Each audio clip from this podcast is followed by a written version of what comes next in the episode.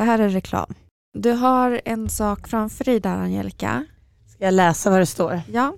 Hej Angelica. Här kommer naturlig smärtlindring från de jämtländska fjällen. Varma hälsningar Ergo Stone, eller Store, Stone. Ergo Stone. Ergostone. Oj, det är en tung grej. To help you relax and recover. Men gud, vad är det här? Vilken läskig grej. Ja, Det var så tungt att gå och hämta på Den var posten. jätte, det är som en, vad är det här? Berätta du. Alltså det är en vetekudde, ish. Den är fylld med sand, jättefin kornig sand. Så du kan värma den och du kan ha den kyld. Du kan ha den som träningsredskap och du kan ha den liksom som men, om du behöver lite tyngd på axlarna eller lite som ett tyngdtäcke fast i miniform. Men gud, tack. Hur har du fixat det här? De kontaktade mig och undrade om vi ville prova. Nej men, gud tack snälla Ergo Stone och Hanna att Ja, på mig. varsågod. Det var ju fantastiskt. Det här ska jag testa direkt när jag kommer hem. Ja men gör det. Om man mikrar den, den funkar ju som en vanlig liksom. Men det du märker är ju att den är ju, sanden är ju väldigt jämn. Alltså en vetekudde, då kan det ofta vara så här att det ligger i ena änden. Men den där är jämn. Men den är tung. Vi får inga pengar för det här för att eh, vi vill inte ha pengar för att säga någonting om en produkt utan eh, du får prova den där och så får du recensera den på Instagram. Underlivet podd heter vi där. Och Jag ska genast ta en bild när du är i bakgrunden också. Så man ser måste jag när bara fixa till mitt hår. ja, och vi har en rabattkod. Så under livet så får man 25% rabatt.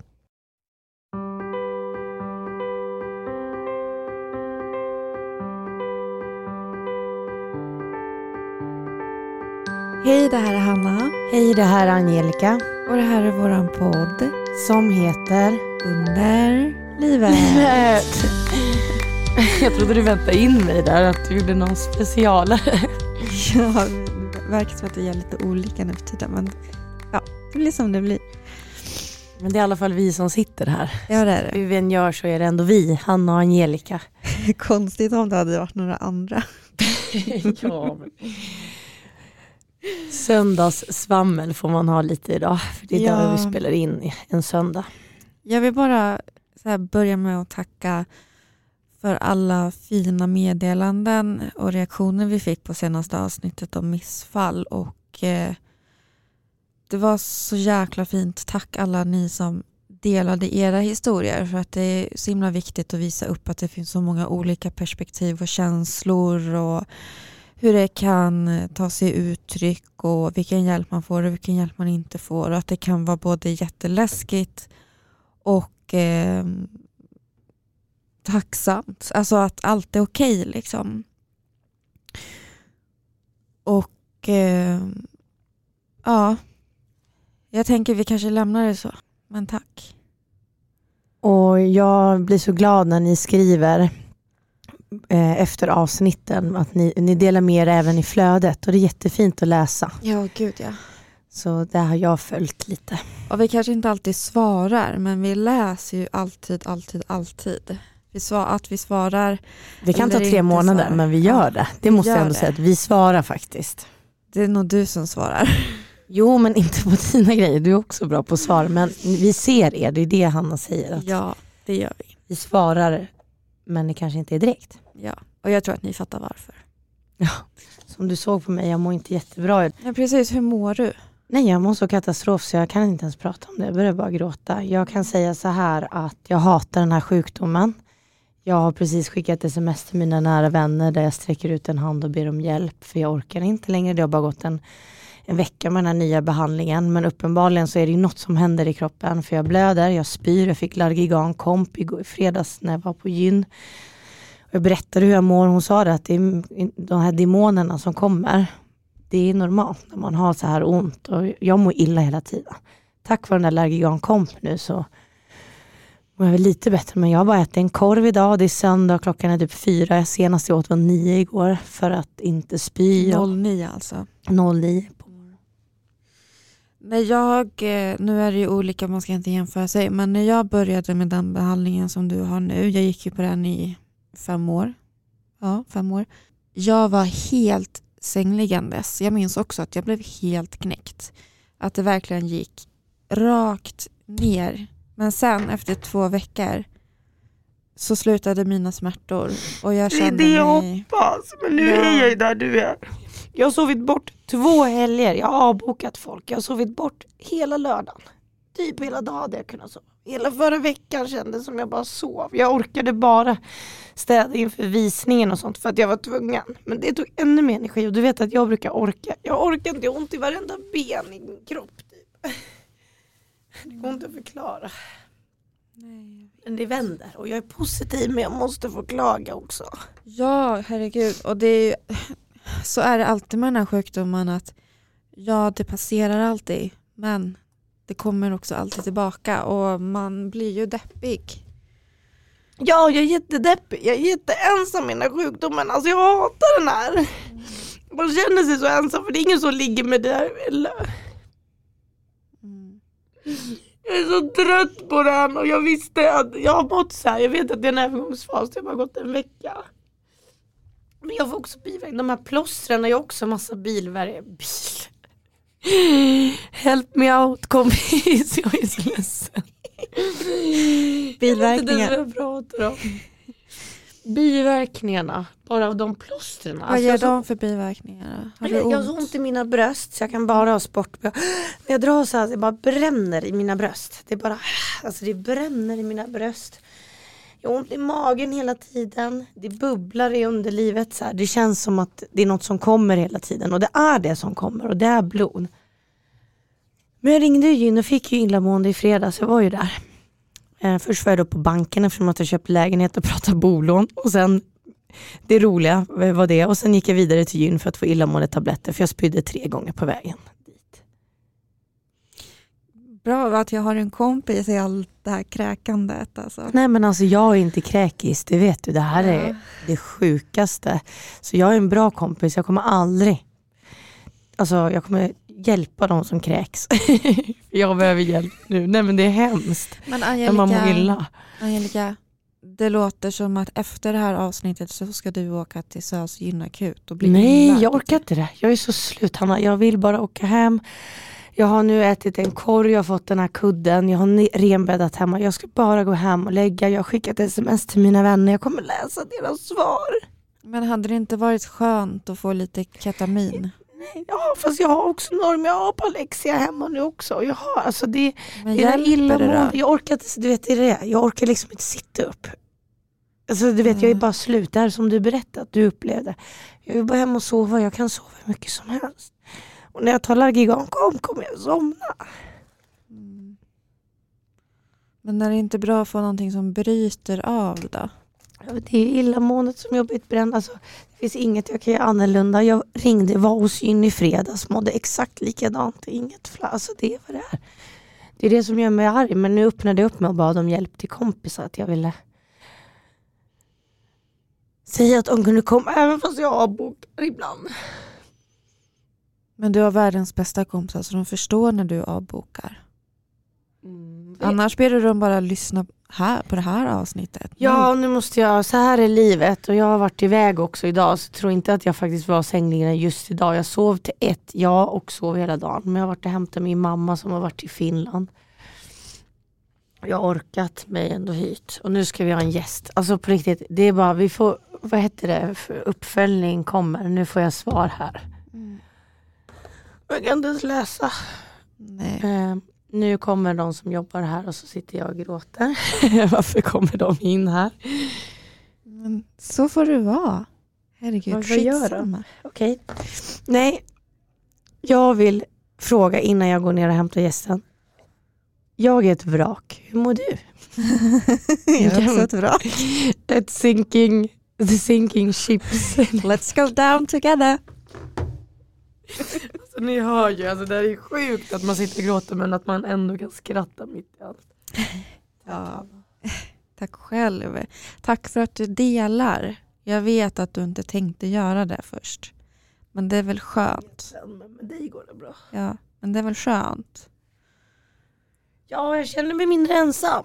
Ja, Absolut. och jag vet att man känner sig ju ensam. Det gör man ju. Men det är man inte. Man är Just nu tror jag inte på dig. Du får fråga mig när Nej vi ses jag om två vet, veckor och det är ju igen. de där demonerna.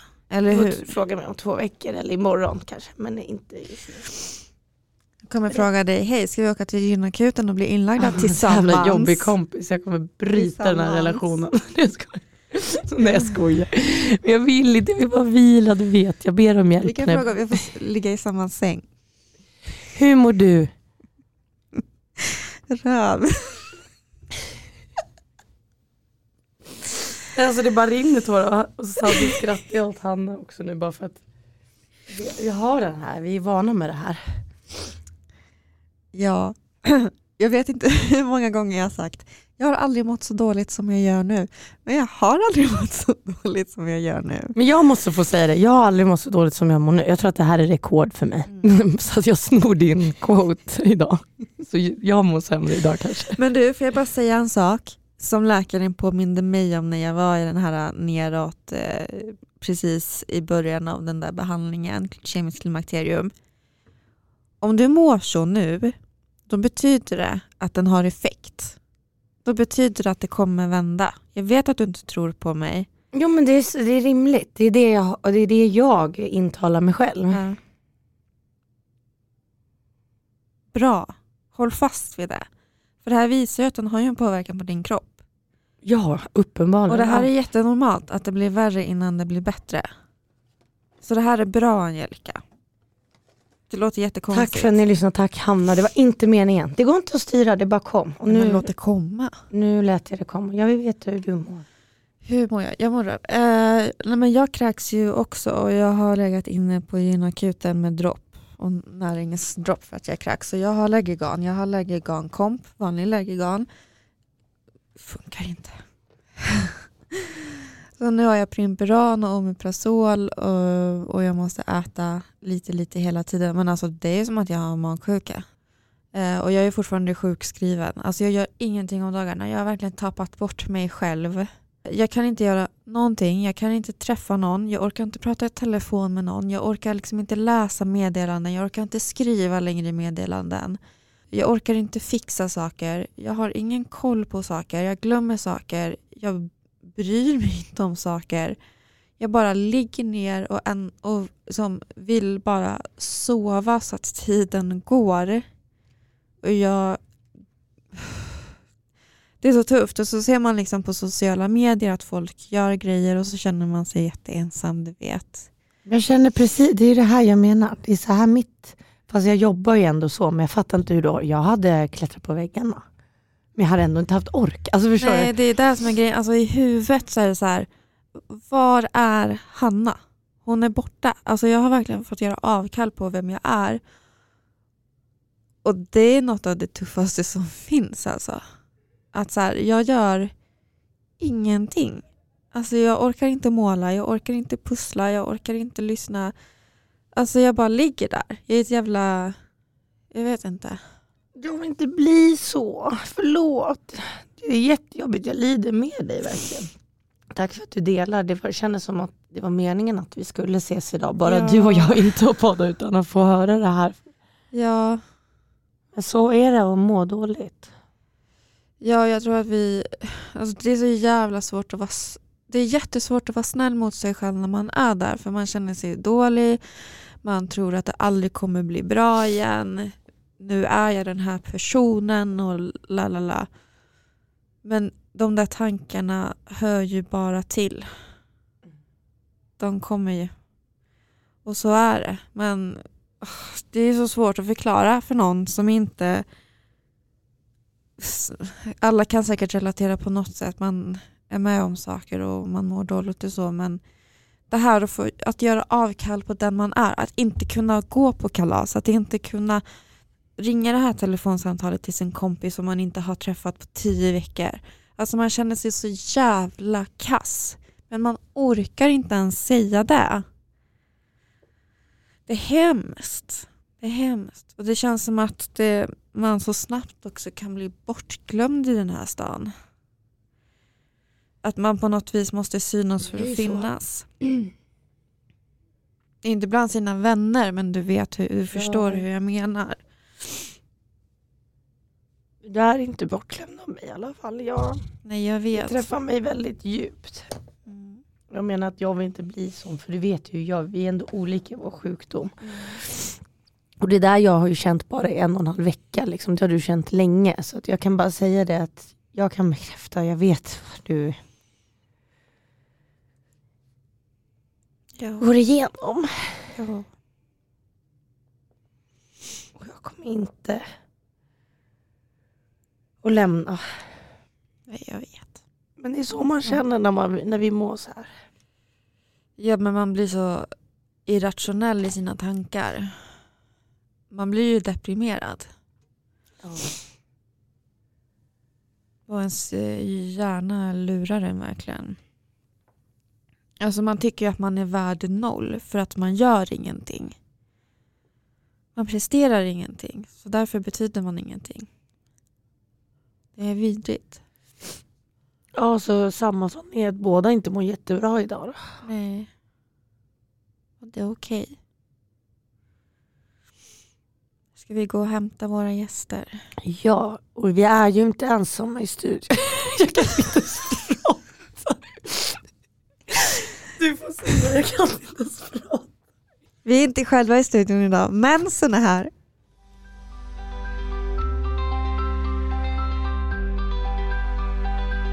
Hej Sanna! Hej! Vill du presentera dig? Ja, Mm. det vill jag. Jag heter Sanna Vanno och jag jobbar för en organisation som heter Mensen.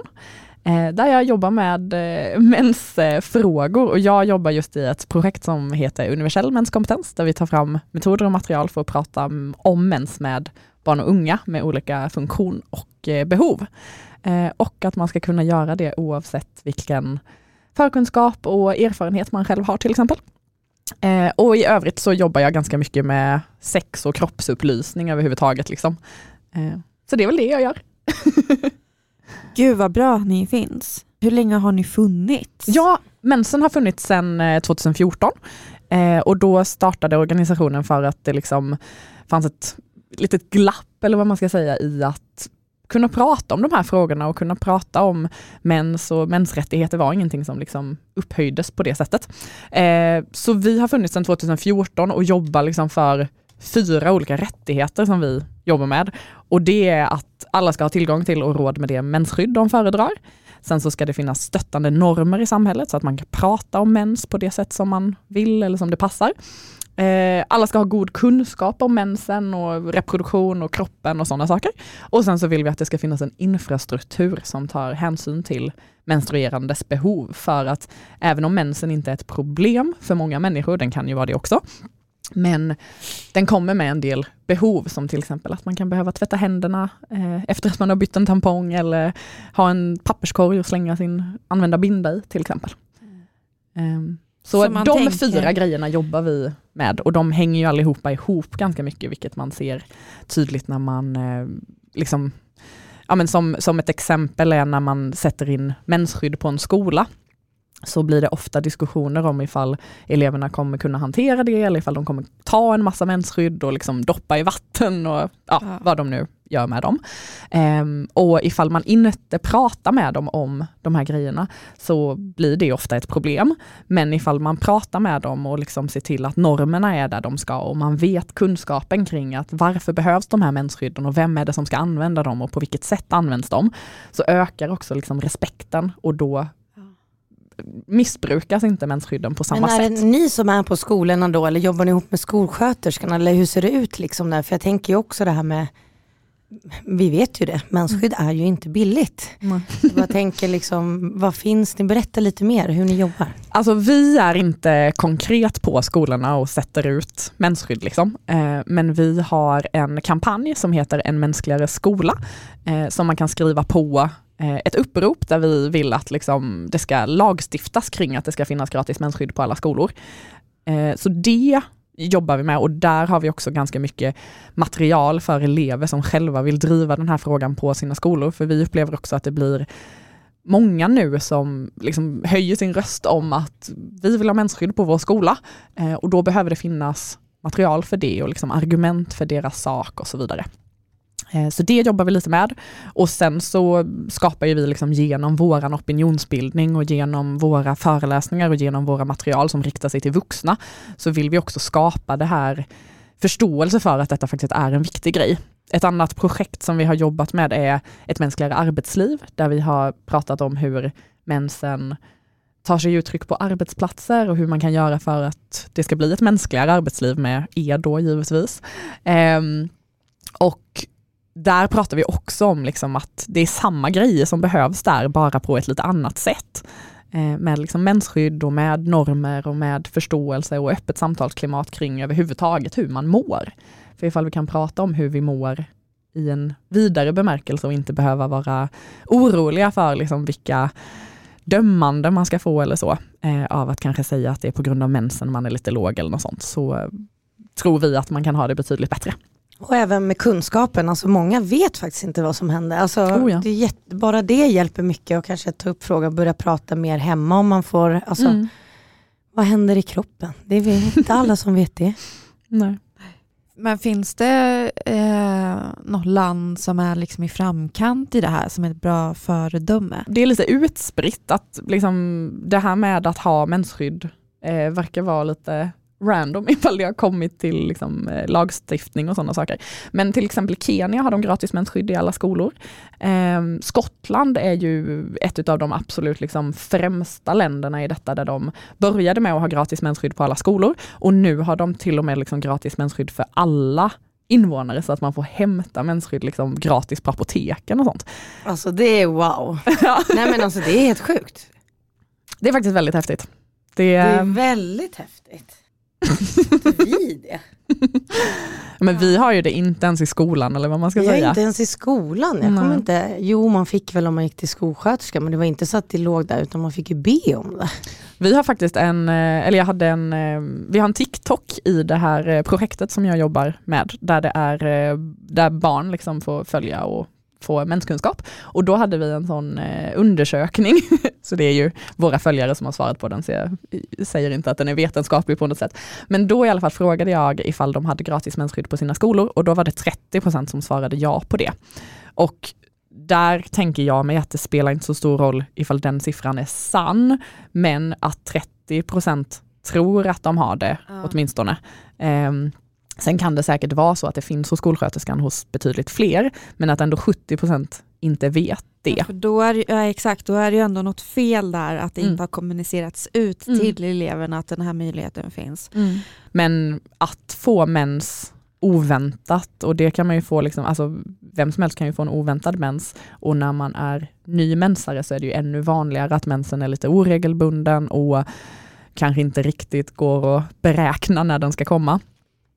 Så alltså detta är ju en oro som finns, men jag tror att de flesta kanske har lärt sig att packa med en extra binda eller sådär. Eh, men det hade ju varit mycket, mycket bättre ifall man kunde veta att så här, när den händer så vet jag att det finns. men det finns ju många argument emot det, som till exempel att så här, det skulle missbrukas och att folk skulle plocka på sig fler än de behöver eller att det skulle tramsas med eller att eh, i Sverige har faktiskt alla råd, vi har ingen mensfattigdom i Sverige och sådana saker. Det där är så jävla sjukt. Ja. och ofta så handlar det ju inte heller om att det är just att man inte har råd. Det finns ju några som inte har råd. Eh, vi gjorde en SIFO-undersökning förra våren, våren 21, eh, och då fick vi fram eh, då frågade vi bland 16 till 21-åringar eh, om de hade varit med om att deras, de själva eller deras familj inte hade råd att köpa mensskydd. Och då var det ungefär 2% som svarade att det hände ofta eller ganska ofta. Och de här 2 procenten är ju inte mycket, men för de som det drabbar så är det ju fruktansvärt att inte ha råd med mensskydd. Um, och som sagt då, det är ju inte bara att inte ha råd med det, utan vem som helst kan ju ha glömt att packa med en extra binda eller ta med tampongen eller menskoppen eller vad man använder för skydd. Och lite det, jag har inne pratat med ett annat projekt bara, vi behöver inte nämna, men bara just det som dök upp mycket var ju alltså barn, barn, alltså barn när man får mens när man är liten. Mm. Att man har ju inte kompisar att fråga på samma sätt för man skäms och då vill man att det ska vara tillgängligt, kanske då i gympasal där det, ja men någon Kanske är den första till och med. Det kanske är den första, mm. exakt. Och det det slutar med ju, liksom när man tittade på studier och sånt där, det var ju det att många stannade hemma just för både smärtan, för att de hade inte råd med Alvedon. Och då har man inte råd med Alvedon, hur har man råd då med binder? Och man vågar inte prata med sina föräldrar. Så de här barnen var hemma så här fyra, fem dagar Mm. varje månad. Mm. Hade vi bara haft det här som ni jobbar för nu, att det finns öppet att gå och ta så att man slipper den här, för man ska, det, är, det är ju stigmatiserat, man vågar inte fråga någon, kanske inte ens fråga sin lärare. Men hade man vetat att här finns det så jag kan gå och ta, det hade ju varit guld. Ja, verkligen. Det här påverkar ju skolgången. Och väldigt många, alltså så här, ifall man nu liksom har problem med att typ gå på skolan till exempel, då det finns ju också liksom risk för att man slutar i olika typer av fritidsaktiviteter för att, alltså till exempel ifall man ska ut på hike med sin scoutgrupp, hade jag varit ett barn som liksom nyss fått mens och inte kände att jag kunde prata med någon om det så hade jag absolut inte vetat hur jag skulle hantera min mens ute i skogen i en helg. Ehm, och nu som vuxen när jag har haft mens under en längre tid, då ser jag ju inte det som något problem.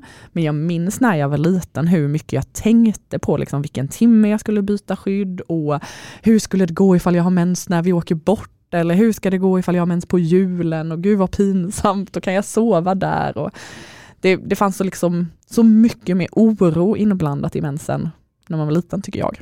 Har ni träffat många barn eller så här, som berättar om hur det är idag? Alltså, det- skiljer sig något från när vi var? Nu vet jag inte hur gamla vi alla är, men här, vi behöver inte prata ålder. Men eh, hur är det nu i skolan? Vad är oron nu? Alltså, kan man skilja på det hur, när vi hade, hur vi hade det och nu? Alltså jag vet ju i princip bara hur jag hade det när jag var liten. Men jag, vi har ett, eh, även i det här projektet så har vi ett Snapchat-konto där man får skriva och ställa frågor om mensen. Eh, och där upplever jag mig känna igen väldigt mycket av de frågorna som vi får in. Att det handlar liksom om just det här som jag liksom nämnde innan, att så här, vi ska åka till stranden med familjen och jag är så himla orolig för jag har mens, jag vågar inte fråga mamma om tampong. Eller eh, jag ska sova hos en kompis och jag är så rädd att det ska läcka. Vad skulle kompisen säga ifall det blev en blodfläck? Eh, och liksom, ja, men det är mycket samma saker som jag, även om det inte är exakt. Men att man till och med är rädd för att prata med sin egen förälder. Liksom. Och eh, Och så var det ju förut. Jag tänkte bara om det hade utvecklats, om det var något annat, men det verkar ju vara samma frågor som... Alltså jag skulle säga att generellt så är det väl samma frågor. Eh, men sen är det ju från familj till familj och från person till person hur öppet man kan prata om saker. Och de som då vänder sig till det här kontot är ju förmodligen de som de, de skriver till mig just för att de inte vågar säga till mamma kanske. Eh, så det är inte någon heltäckande bild, men att det finns folk som liksom, det är ofta som folk skriver till mig och säger att de har fått sin första mens och inte vet hur de ska berätta för sin mamma. Eh, och har liksom rotat i något skåp och hittat eh, någon binda så att de klarar sig och frågar ifall de kan säga det imorgon istället. Och jag bara, jag tycker bara du ska säga det. Jag förstår att det känns svårt och liksom läskigt, men mamma kommer inte bli Mamma kommer inte bli arg, hon kommer inte bli, hon kommer inte ens bli förvånad för hon vet att du ska få mens. Ehm, bara inte riktigt när.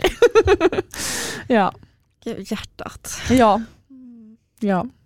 Men det var ju inga lätta frågor att ta upp, speciellt inte då när det var första. Jag tänker bara, tänk om man redan hade en sån dålig erfarenhet eh, som när man var barn. Nu gör ju ni en stor skillnad, så att det här med Mm. arbetslivet också sen. Tänk dig de Mm. här, det kanske det kan ju följa med en hur länge som helst att man Mm. skäms över det. Mm. Ja, det är ju många som vittnar om att de liksom har jag vet att Essity, alltså mm, företaget som ligger bakom Libress, eh, bindor och sånt, de har gjort ganska mycket studier på detta och de har eh, liksom siffror på att ungefär en tredjedel av alla som har mens uppger att de känner sig liksom socialt obekväma i eh, liksom bara sociala situationer när de har mens. För att man liksom kanske blir lite mer spänd, lite mer orolig för att det ska läcka, lite mer, ja, jag vet inte. De, de har inte frågat vidare, men att en tredjedel eh, bara liksom känner sig obekväma en vecka i månaden är ganska galet. Ja. Men så är det ju, jag vet ju det med mina vänner. Mm. Man känner inte igen sig själv och man kanske inte alls är den här man ork, orken att jobba, annars är man 100% bara det. Mm. Om vi bara pratar mens och inte endometrios. Mm. Ja, Ja. Sen så finns det ju mycket saker som liksom kommer med mensen som kan påverka en utöver det. Exakt. Liksom. Så, ja. Jag jobbar ju på skola. Mm. hur kan jag engagera mig i det här Mm. som lärare? Jag jobbar på gymna- gymnasieskola, Mm.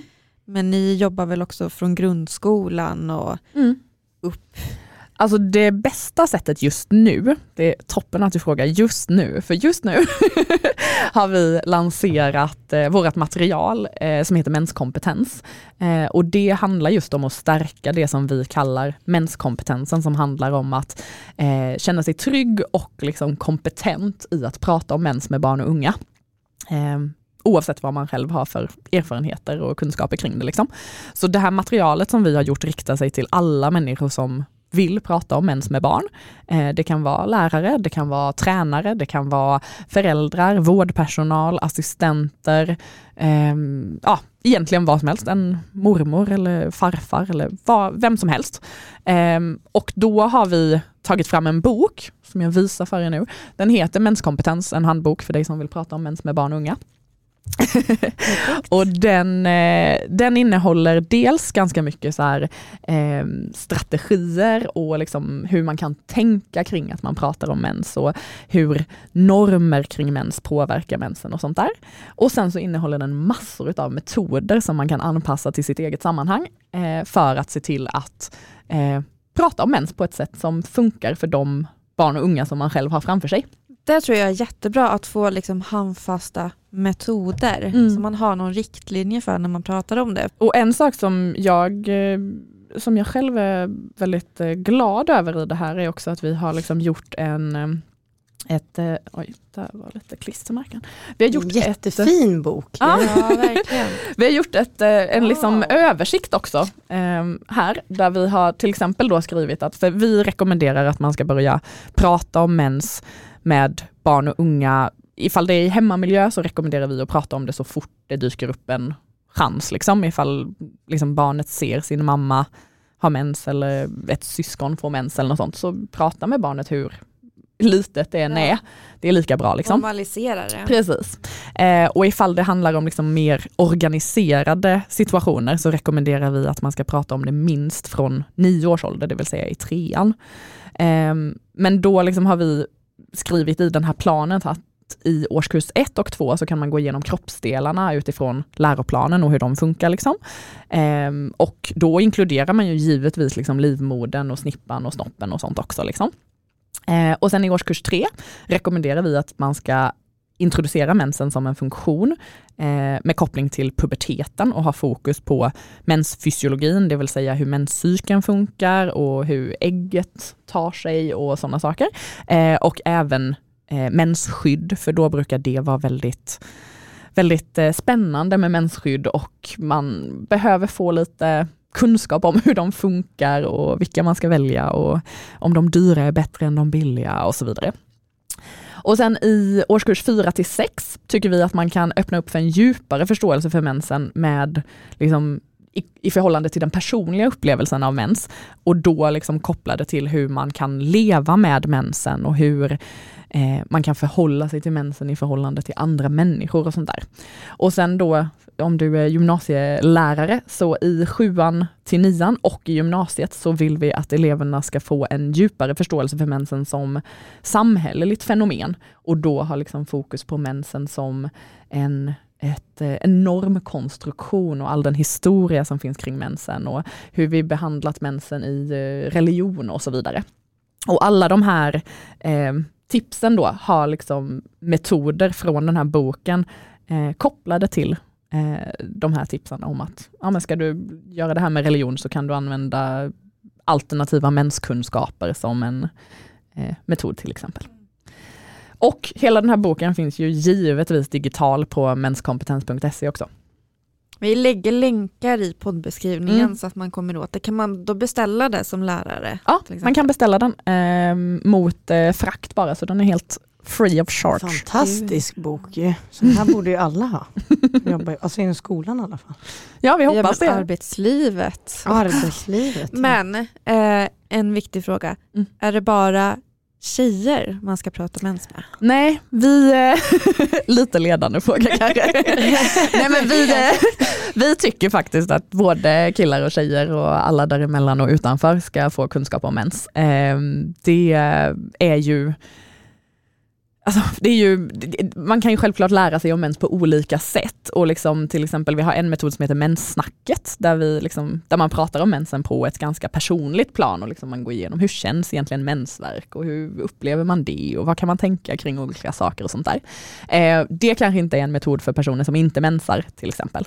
Eh, men att lära sig det här med fysiologin och att lära sig hur mensen överhuvudtaget funkar och hur folk lever med mens är ju superviktigt för alla för att oavsett ifall man själv har en livmoder eller inte så kommer man förmodligen leva nära någon som har en livmoder någon gång i sitt liv, antingen som en mamma eller en syster eller en partner kanske. Så eh, vi tycker att alla ska lära sig om det, precis som alla ska lära sig om snoppen också. Så. Ja. ja absolut, men jag tänker det här upplägget som vi pratade om från vilka årskurs man mm. pratar om det.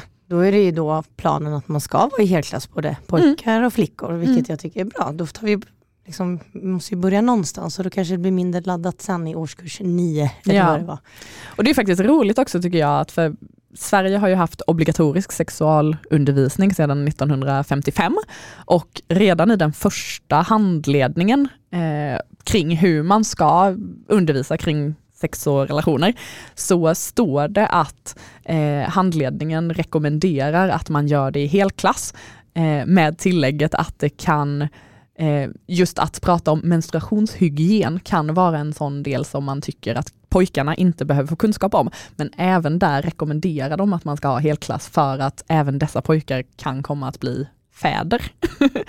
och det är ju en lite uråldrig tanke nu att det skulle vara därför, men jag tycker det är väldigt häftigt att mensen tas upp som ett exempel redan 1956. Ja, ändå satt vi där på 90-talet mm. i tjej och killgrupper. Mm. jag tänkte precis säga det. Ja. Vi har pratat om det här med när vi hade gästerna socionomerna med, vi pratade ja. samtycke och sånt. Och mm. det, det, var, det var ju hemskt att höra hur vi hade haft det men också helt sjukt för att kvinnorna, vi då, Mm. Det de pratade med oss på sexualkunskapen, det var mens. Mm. Det var bara mens mm. hos oss. Hela vätska i bindor och så. Ja. ja. Vilken binda, nej men det var ju det. Ja men hela puberteten är ju toppen om barn får kunskap om tänker jag mig. Och då råkar ju mensen vara en del av det så självklart ska alla ha den kunskapen. Och dessutom ifall man passar på att göra den här kunskapen tillgänglig liksom när barnen är ganska små, så är det väldigt, väldigt spännande att prata om mens, är min upplevelse. För vi har i ett tidigare projekt så hade vi eh, lektioner ute på skolor också och då träffade vi barn i fyran, femman och sexan. Och i fyran och femman var alla barnen oavsett liksom kön så var de så nyfikna och de frågade liksom hur funkar det och de ville liksom känna på bindor och de ville prova och liksom öppna en tampong och allt möjligt. Liksom. Eh, och de frågade bara, men varför har inte jag en livmoder och liksom sådär. Eh, men i sexan så var det upplevde jag, och det skiljer ju sig såklart, men i sexan var det många gånger som de liksom hade ja, men de hade tagit åt sig samhällets normer på ett helt annat sätt och var liksom såhär, nej jag vill inte ta i bindan och vill inte liksom prata om det här för det var äckligt och det var tjejigt och sådana saker. Så ifall man liksom passar på att göra detta i tvåan, trean, fyran, så kan man, ganska, ska man vinna ganska mycket. Och jag tycker ju också att det är en en aspekt av detta är också att inför det här projektet så gjorde jag ganska mycket intervjuer Eh, kring hur det här skulle se ut och vad liksom, eh, som saknades och hur, vilken menskunskap man hade gillat under sin uppväxt och sådana saker. Och de personer som jag pratade med då som inte själva menstruerade berättade ju i väldigt hög grad om att de inte hade lärt sig någonting om mens i skolan, men att de hade fått lära sig om det av sin första flickvän som de hade någon gång i tonåren.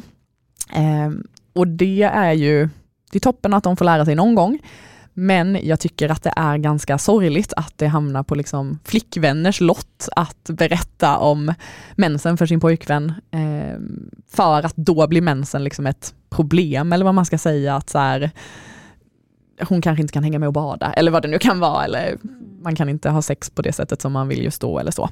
Eh, och då tvingas man liksom få den här kunskapen.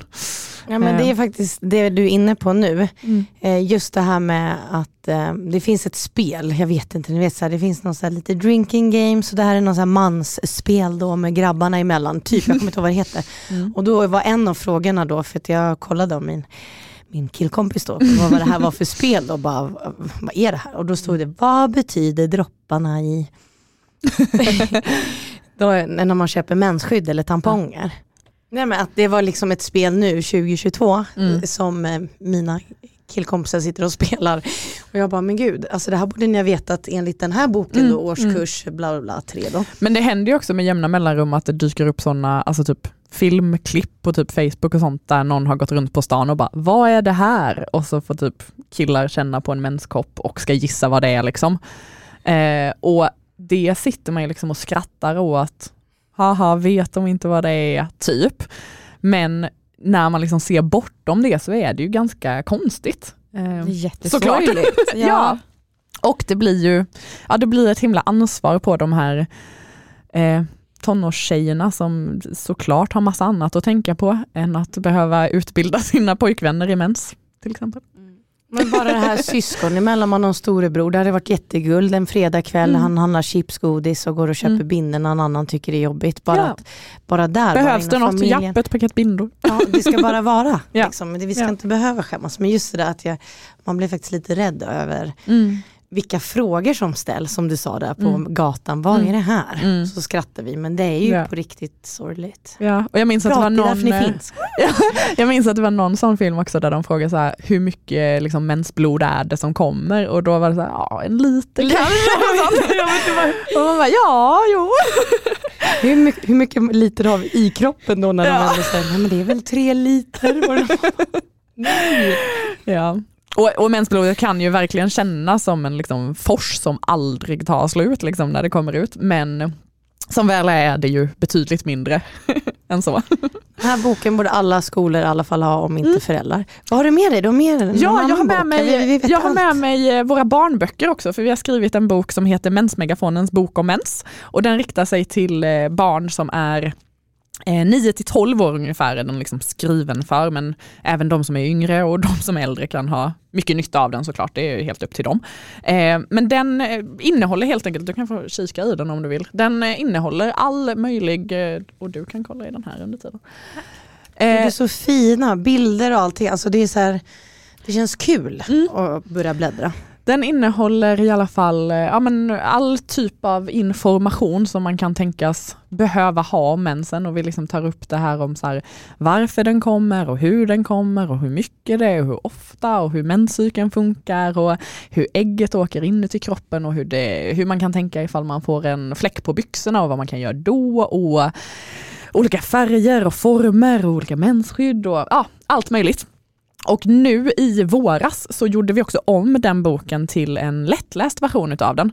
Så även personer som, eh, ja, men som liksom har lite, behöver lite lättare text eller som har svårt med distraktioner och sånt kan läsa den. För den har också, vi har plockat bort alla distraktioner i den så att man ska Jättebra. kunna läsa den lite mer cleant också.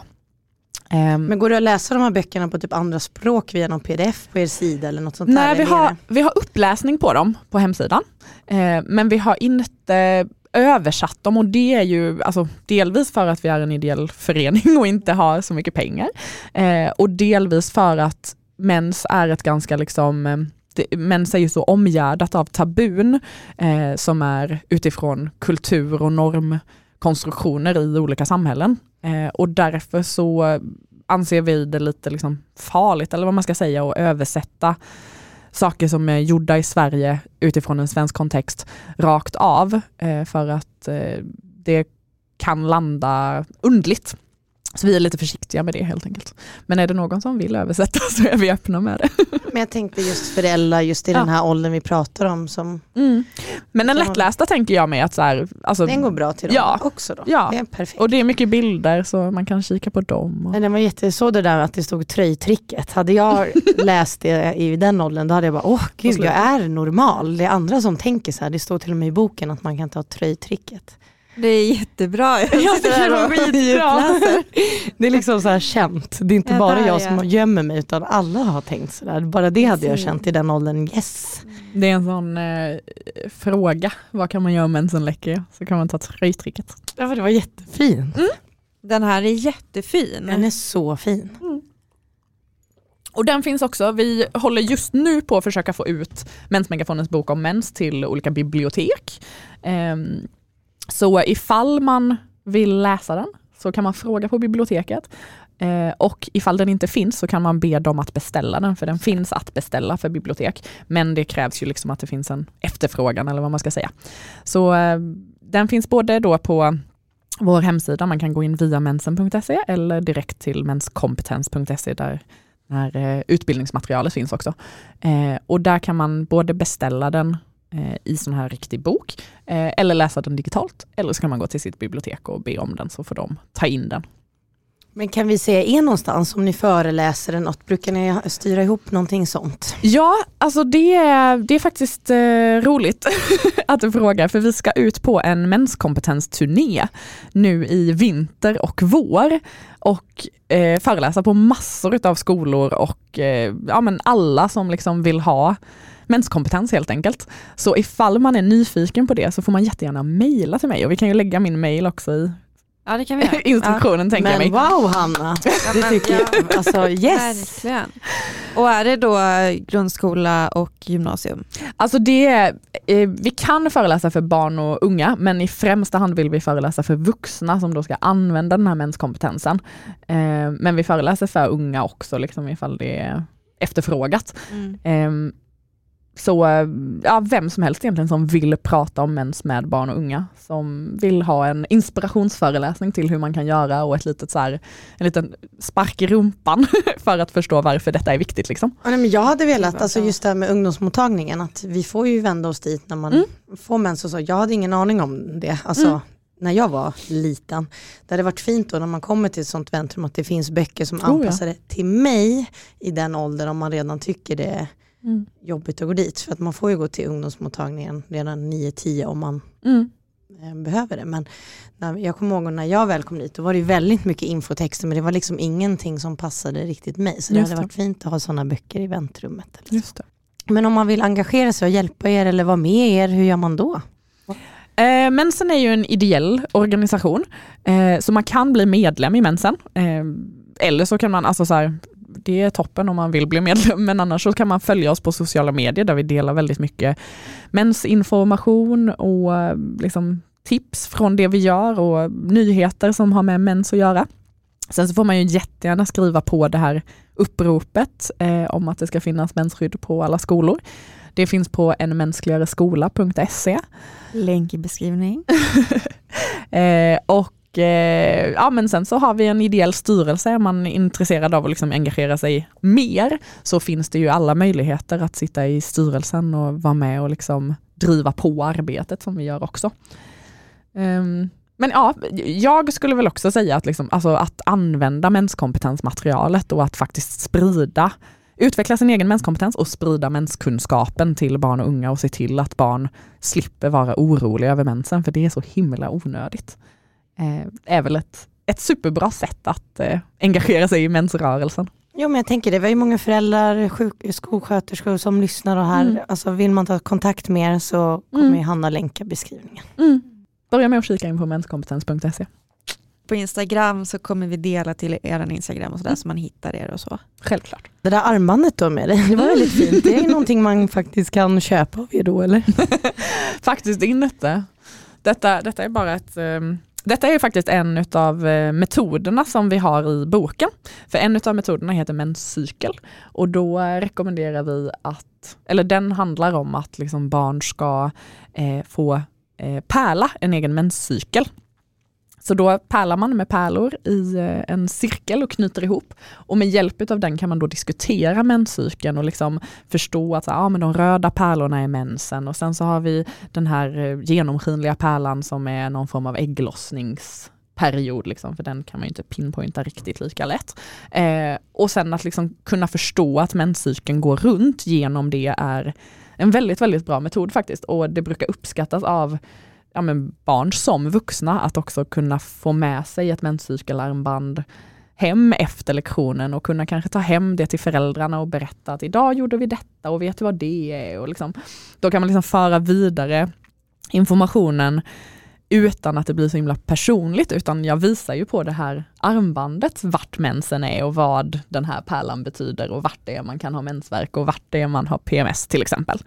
Um, så det, det är en väldigt bra metod. Den rekommenderar jag, jag för typ tre år. Jag visste inte att det var så mycket djup bakom den. Det var ju hur bra som helst. Jag tyckte bara den var så fin. Ja. Verkligen pedagogiskt. Wow, jättepedagogiskt. Ja. Så det är ett exempel på våra metoder till exempel. Som Men också det här som du säger, att man faktiskt tar hem och visar upp att det här har jag lärt mig mm. idag. Bara det är en bra grej. Och det kan ju också, alltså, även om man inte själv får mens, så är det ju ganska kul att pärla ett band och kunna berätta om det hemma till exempel. Om du får drömma mm. här nu helt fritt om fem år, hur skulle du vilja att det såg ut då? Jag skulle nog vilja att, eh, ja, men att eh, den här menskompetensboken finns på typ alla skolor. Eh, så att när det ska pratas om sådana här grejer så vet man vart man letar information och att man känner att man kan bläddra i den och få inspiration till hur man ska göra. Eh, sen skulle jag vilja att alla toaletter, oavsett ifall det är på skolor eller på biografen eller köpcentrum eller vad det kan vara, eh, såklart har mensskydd så att man vet vart man kan få tag på ett mensskydd ifall man behöver det. Och att vi, alltså det är ju en det är balansgång i så hur, man får ju välja själv hur mycket man vill prata om mensen, men att vi åtminstone kan ha ett liksom öppet samtalsklimat kring mens och att man inte känner att man är dålig eller att man är äcklig eller att man är fel på något sätt när man har mens, utan att vi ska kunna säga att ja, idag är jag idag är jag lite lättirriterad för jag får mens snart eller idag eh, jag sov lite dåligt för jag har mensvärk eller vad det kan vara. Gud, så brukar jag säga till mina elever när jag håller lektion.